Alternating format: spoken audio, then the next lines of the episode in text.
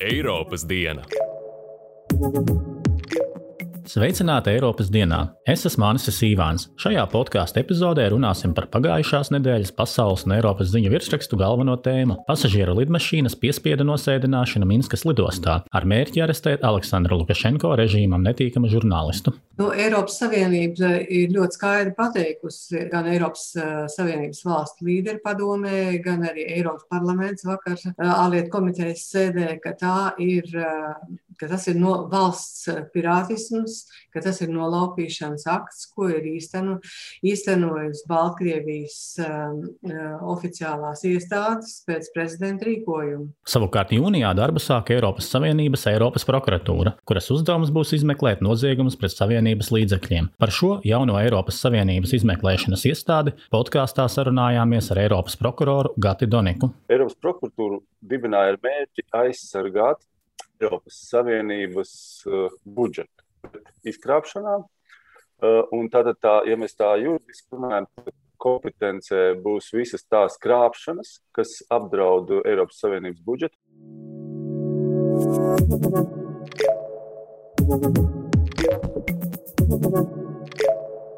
Thank you.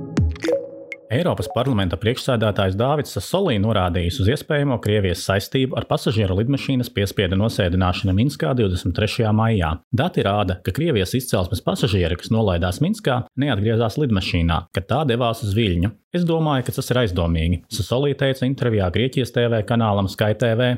Priekšsēdētājs norāda, ka Eiropas Savienība nevēlas palielināt spriedzi, taču Krievijas varas iestādes to cenšas kāpināt. Runājot par Baltkrieviju, Sasolī pauda cerību, ka sankcijas darbosies, un Eiropas Savienības prestižs, kā arī ekonomiskais spēks var ietekmēt cilvēktiesības pārkāpjošus režīmus.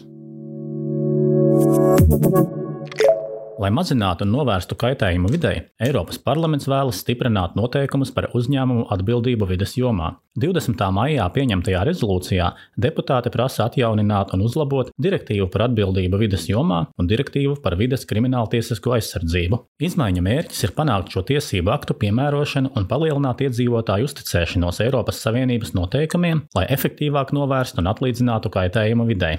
Lai arī vidas noziegumi ir ceturtā lielākā starptautiskā noziegumu kategorija, vidas noziegumu atklāšanas, izmeklēšanas un notiesāšanas līmenis ir zems. Deputāti aicina apmācīt iesaistītās iestādes, piemēram, prokurors un tiesnešus, lai uzlabotu kriminālu vajāšanu un sodīšanu par šādiem noziegumiem. Vides nozieguma izmeklēšana būtu jāiekļauj arī Eiropas prokuratūras pilnvarās. Parlaments turklāt stingri nosoda jebkāda veida aizskaršanu, vardarbību vai iebiedēšanu pret vides tiesību aktīvistiem un aicina dalību valstis efektīvi izmeklēt šādus nodarījumus. Vēl viena Eiropas Savienības valsts apstiprinājusi Krievijas Covid-19 vakcīnu Sputnik V savā teritorijā. Tagad šo Eiropas zāļu aģentūras neapstiprināto preparātu līdzās Ungārijai oficiāli atļauts izmantot arī Slovākijā. Slovākijai jau ir 200 tūkstoši Sputnik V devu, taču līdz šim nebija pieņemts lēmums par to izmantošanu. Sputnik V iegāda tika veikta slepenībā, kas noveda pie valdības krīzes un premjera Igora Matoviča valdības krišanas martā. Slovākijā līdz šim izmantotas Eiropas zāļu aģentūras apstiprinātās vakcīnas no Pfizer, Moderna un AstraZeneca. Eiropas Savienība vēlas piemērot lielas soda naudas farmācijas kompāniju AstraZeneca par neizpildītām vakcīnu piegādēm. Savienība uzskata, ka uzņēmums ir pārkāpis līguma saistības, piegādājot tikai ceturto daļu no devām, kuras solīja piegādāt 2021. gada pirmajos trīs mēnešos. Līguma termiņš beidzas jūnija vidū. Eiropas komisijas juristi lūguši tiesai piemērot AstraZeneca 10 miljonu eiro lielu soda naudu un papildu 10 eiro par katru devu un katru kavēto dienu. Kompānija pirmajā ceturksnī piegādāja 30 miljonus no pavisam 120 miljoniem paredzētajām vakcīnu devām. Līdz jūnija beigām AstraZeneca plāno piegādāt vēl 70 miljonus devu, sākotnēji solīto 180 miljonu devu vietā. Eiropas Savienība ir apņēmusies likt Aleksandram Lukašenko maksāt augstu cenu par lidmašīnas piespiedu nosēdināšanu Minskā ar mērķi arestēt režīma oponentu. Intervijā aģentūrai AFP norādījis augstais ārlietu pārstāvis Žuzeps Borels. No valdību vadītājiem un kādas dalību valsts izskanējuši ierosinājumi piemērot sektorālās un ekonomiskās sankcijas pret Baltkrieviju, kādas Eiropas Savienībai piemērot nav ierasts, atklāja Borels. Viņš min piemērus sankcijām, kas ātri liktu režīmam izjust problēmas. Baltkrievija ir liela potaša eksportētāja - 2,5 miljardi dolāru. Viss iet cauri Baltijas valstīm. To ir viegli kontrolēt, ja ir vēlēšanās, skaidro Borels. Tāpat Baltkrievija zaudētu daudz tranzīta nodevās, ja gāze, kas plūst pa cauruļvadu cauri Baltkrievijai, saņemtu pa citiem maršrutiem. Borelam ir dots uzdevums izstrādāt mērķētu ekonomisko sankciju piedāvājumu, ar ko papildināt pašlaik par protestu apspiešanu sankcijām pakļautu 88 personu un 7 melnajā sarakstā iekļauto Baltkrievijas uzņēmumu sarakstu. Eiropieši ir atturīgi attiecībā pret ekonomisko sankciju piemērošanu, taču šoreiz ir jāpieņem tādi mēri, lai Lukašenko tos sajustu, uzsver Borels. Viņš papildina, ka lēmums ir ātri pieņemams, ja ir tāda vēlēšanās.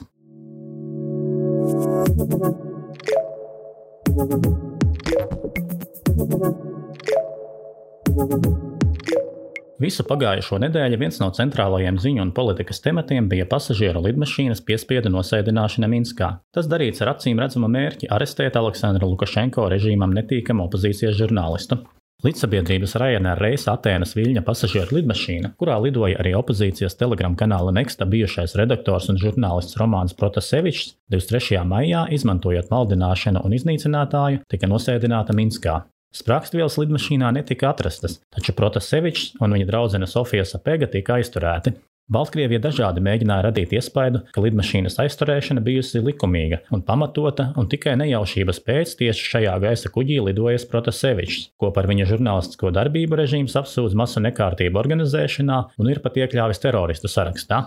Minska apgalvoja, ka saņemta lidmašīnas spridzināšanas draudi no palestīniešu grupējuma Hamas. Gazas joslā valdošā kustība gan ātri noraidīja šos apgalvojumus kā nepatiesus. Vēlāk atklājās, ka minētā draudu vēstule, ko saņēmusi Minskas lidosta, patiesībā izsūtīta vairāk nekā 20 minūtes pēc tam, kad dispečers brīdināja gaisa kuģa apkalpi par spridzeklis klāja, un lidmašīna tika novirzīta no kursa. Arī pats Lukašenko izteica dažādus nepatiesas apgalvojumus par notikušo. Rietumos incidents tika nodēvēts gan par gaisa pirātismu, gan lidmašīnas nolaupīšanu, un Baltkrievija ir saskārusies ar liegumu tās lidmašīnām izmantot virknes Eiropas valstu gaisa telpas. Par Eiropas Savienības reakciju uz šo incidentu sarunājāmies ar Eiropas parlamenta deputāti un ārlietu komitejas locekli Sandru Kalnieti. Nu, Eiropas Savienība ir ļoti skaidri pateikusi eh, gan Eiropas eh, Savienības valstu līderu padomē, gan arī Eiropas parlaments vakar eh, ārlietu komitejas sēdē, ka tā ir ka tas ir no valsts pirātisms, ka tas ir nolaupīšanas akts, ko ir īsteno, īstenojis Baltkrievijas um, oficiālās iestādes pēc prezidenta rīkojuma. Eiropadome nākamajā dienā stingri nosodīja lidmašīnas nolaupīšanu un pieprasīja nekavējoties atbrīvot Protaseviču un Sapegu. Aicināja Startautisko civilās aviācijas organizāciju nekavējoties izmeklēt šo nepieņemamo bezprecedenta incidentu. Izskanēja aicinājums uz sankciju paplašināšanu, tāpat Eiropas Savienības līdzsabiedrības sabiedrības aicinātas neizmantot Baltkrievijas gaisa telpu un aizliegt Baltkrievijas lidmašīnām lidot Eiropā. Kalniete norāda, ka lēmums par lidojumu pārtraukšanu pār Baltkrieviju, kā to uzskata Eiropadome, ir jāpieņem aviokompānijām pašām, izvērtējot pasažieru drošību. Kā redzams, virkne līdzsabiedrību un valstu to ir izdarījušas,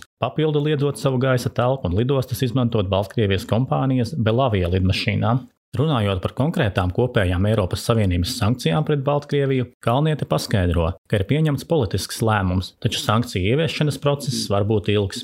Eiropas padome ir pieņēmusi politisku lēmumu, kurā ir skaidri pateikusi, kādas sankcijas tā vēlās ieviest. Pats ieviešanas process, tas nav padomas ziņā, Ar to nodarbojās Eiropas komisija.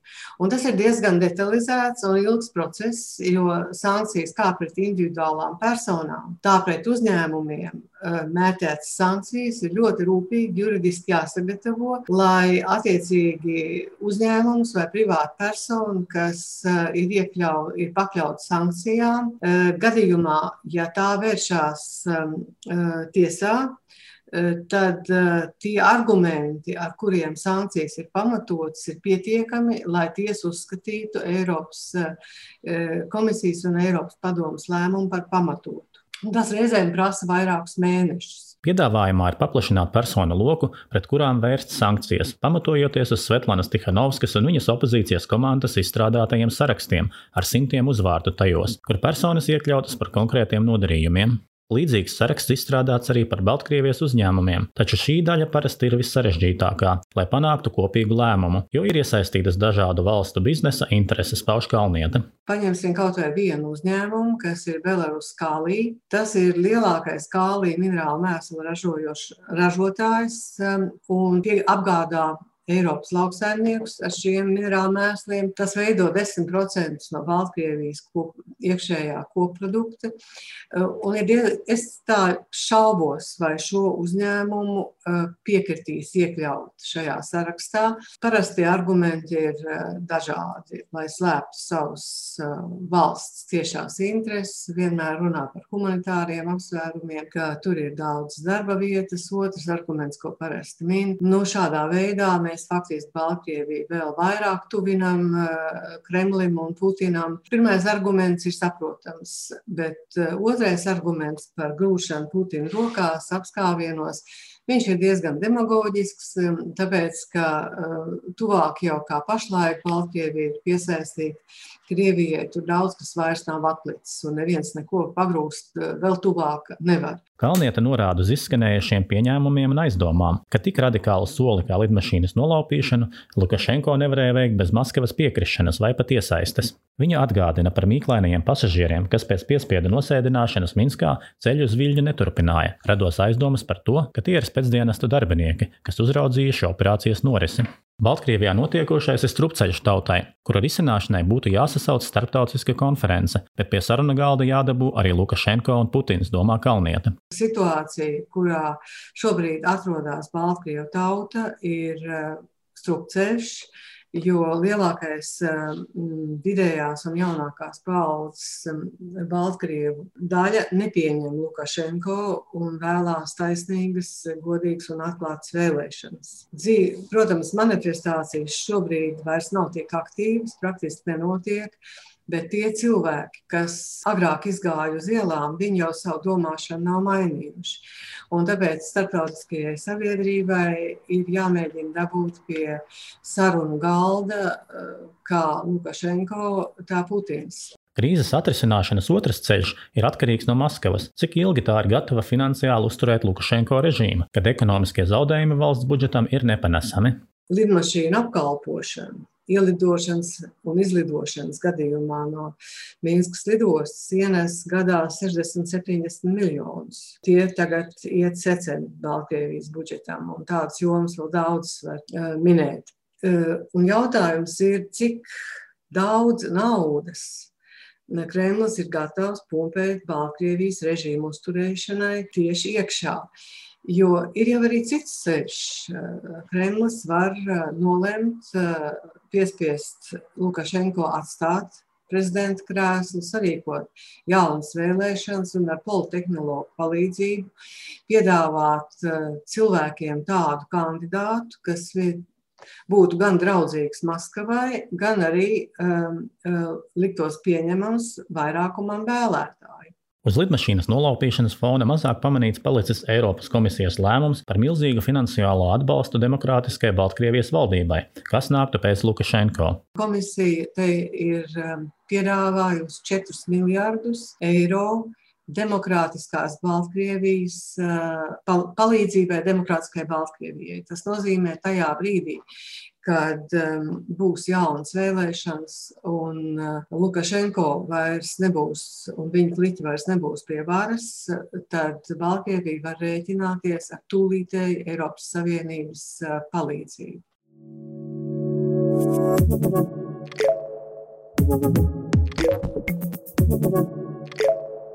Thank you.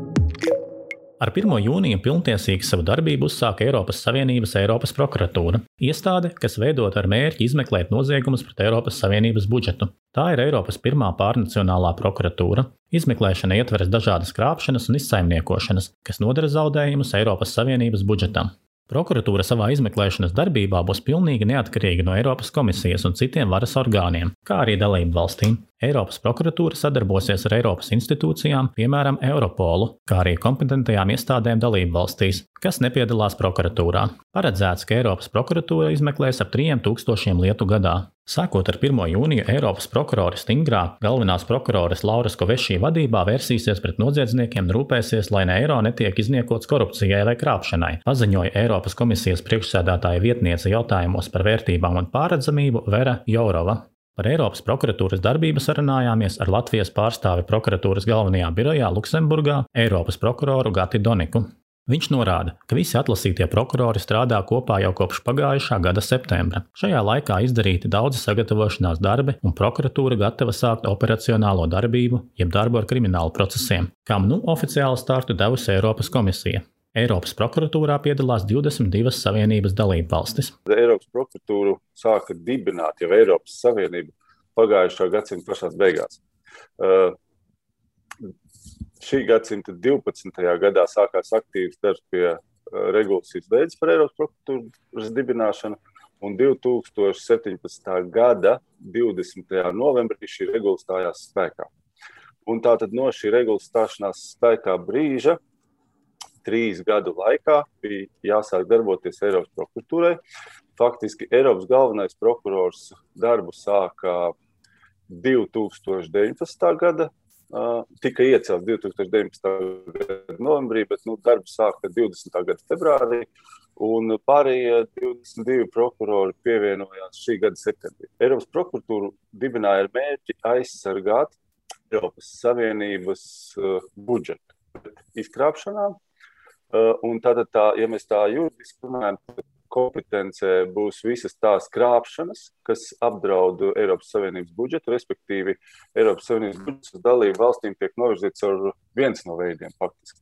Tiek novirzīts ar dažādiem struktūra fondiem, un, nu, kā mēs zinām, šie fondi tiek eh, izmantoti arī, arī teiksim, neparedzētiem, jeb sautīgiem mērķiem, lai šī rēķina iedzīvotos. Kā otrs svarīgs noziedzīgs nodarījums, ko izmeklēs Eiropas prokuratūra, būs pievienotās vērtības nodokļu izkrāpšana. Jebkurš PVN ir saistīts ar Eiropas budžetu, jo daļa valstu iekasētā nodokļa nonāk Savienības kopējā budžetā, ko administrē Eiropas komisija. Šajā gadījumā ir noteikts, no kādas summas prokuratūra sāks izmeklēšanu. Tā summa izklausās, no kuras mēs sāksim strādāt, ir liela - 10 miljoni un jābūt kā minimums tajās krāpšanās iesaistītām divām dalībvalstīm. Taču no Eiropas līmenī šādas lietas ir, un, un, un šī summa - 10 miljoni nemaz tik liela nešķiet. Prokuratūras uzmanības lokā būs arī krāpšanas ar muitas nodokļiem, jo no nodokļa par trešo valstu ievestajām precēm 20% paliek dalību valstīs, bet 80% nonāk Eiropas kopējā budžetā. Latvijai no visām prokuratūras interesēm aktuālākās lietas varētu būt struktūra fondu līdzekļu izkrāpšana un muitas nodoklis, prognozē Doniks. Prokuratūra nolēms izveidot, jo Eiropas komisija nebija apmierināta ar rezultātu, ko krāpšanas lietās sniedza Nacionālās prokuratūras. Viens no pamatuzdevumiem bija atgūt izkrāptos līdzekļus, un ar to dalību valstīm komisijas ieskatā nevedās labi. Statistiski rēķinot un analītiski skatoties, uh, Eiropas Savienībai ir uh, informācija, ka uh, šie līdzekļi tiek izsaimniekoti un izkrāpti nu, daudz lielākā apmērā nekā tas faktiski reāli uzrādās. Un, nu, līdz ar to šis politiskais lēmums tika pieņemts par prokuratūras dibināšanu. Eiropas prokuratūrā ir centrālais birojs Luksemburgā un biroja katrā dalību valstī. Prokuratūru vada padome, kurā ir visi 22 prokurori. Tā nodarbojas ar stratēģisko vadīšanu, dažādu vadlīniju izstrādāšanu, kopēju politiku un mērķu noteikšanu.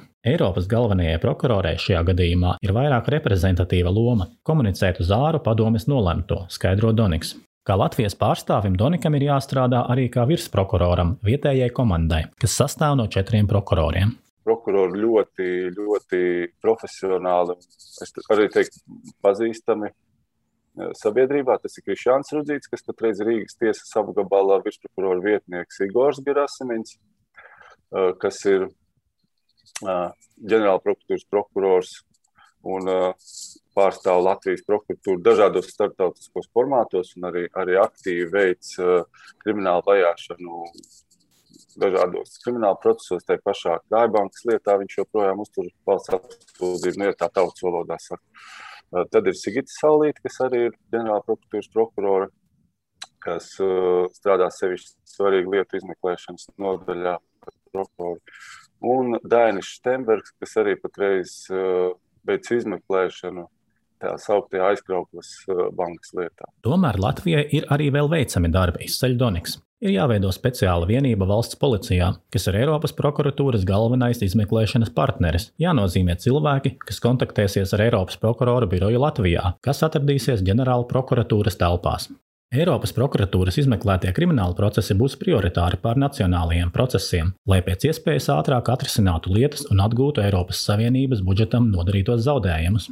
Eiropas prokuratūras viens no būtiskākajiem ieguvumiem ir tāds, ka dažādu valstu prokurori kopā varēs patiešo veikt izmeklēšanu citās valstīs, kas pātrinās procesus. Līdzšinējā parastā starpvalstu sadarbības kārtība paredz rakstīt tiesiskās palīdzības lūgumus un iziet virkni dažādu verifikācijas procesu, kas var aizņemt pat mēnešus. Ar tām valstīm, kas nepiedalās Eiropas prokuratūrā, piemēram, Ungārija, Polija un Dānija, ir noslēgti sadarbības līgumi, kas paredz sadarbību ar iepriekšējiem mehānismiem. Vai šāda kārtība ļaus pienācīgi izmeklēt noziegumus, piemēram, Ungārijā, kur mēdījos izskanējis, ka Eiropas fondu naudu sadalē lielu lomu spēlē sakari ar premjeru? Jā, atbild Doniks, to varēs darīt tāpat kā līdz šim. Tikai tagad izmeklēšanu veiks Eiropas prokuratūra, kas nekādā veidā nav saistīta ar konkrētās valsts politisko struktūru. Eiropas Savienība līdzekļus iegūda arī trešajās valstīs, austrumu partnerības zemēs un ne tikai. Lai cik tas neparasti tagad neizklausītos, arī Krievijā un Baltkrievijā. Vaicāju Donikam, vai prokuratūras kompetencē būs izmeklēt arī tur pastrādātos noziegumus.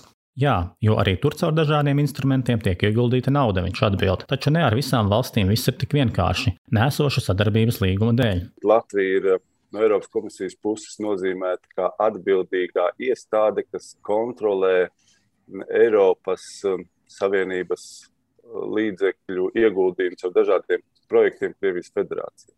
Ar Krievijas federāciju Eiropas prokuratūrai pagaidām, diemžēl, nav nekādu sadarbības līgumu. Tas būs risināms jautājums, jā, tāpat kā arī Baltkrievija.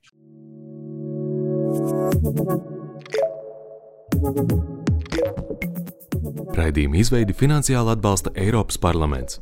Par raidījumu saturu atbildīgi tikai tā autori, un Eiropas parlaments nav iesaistīts tā sagatavošanā.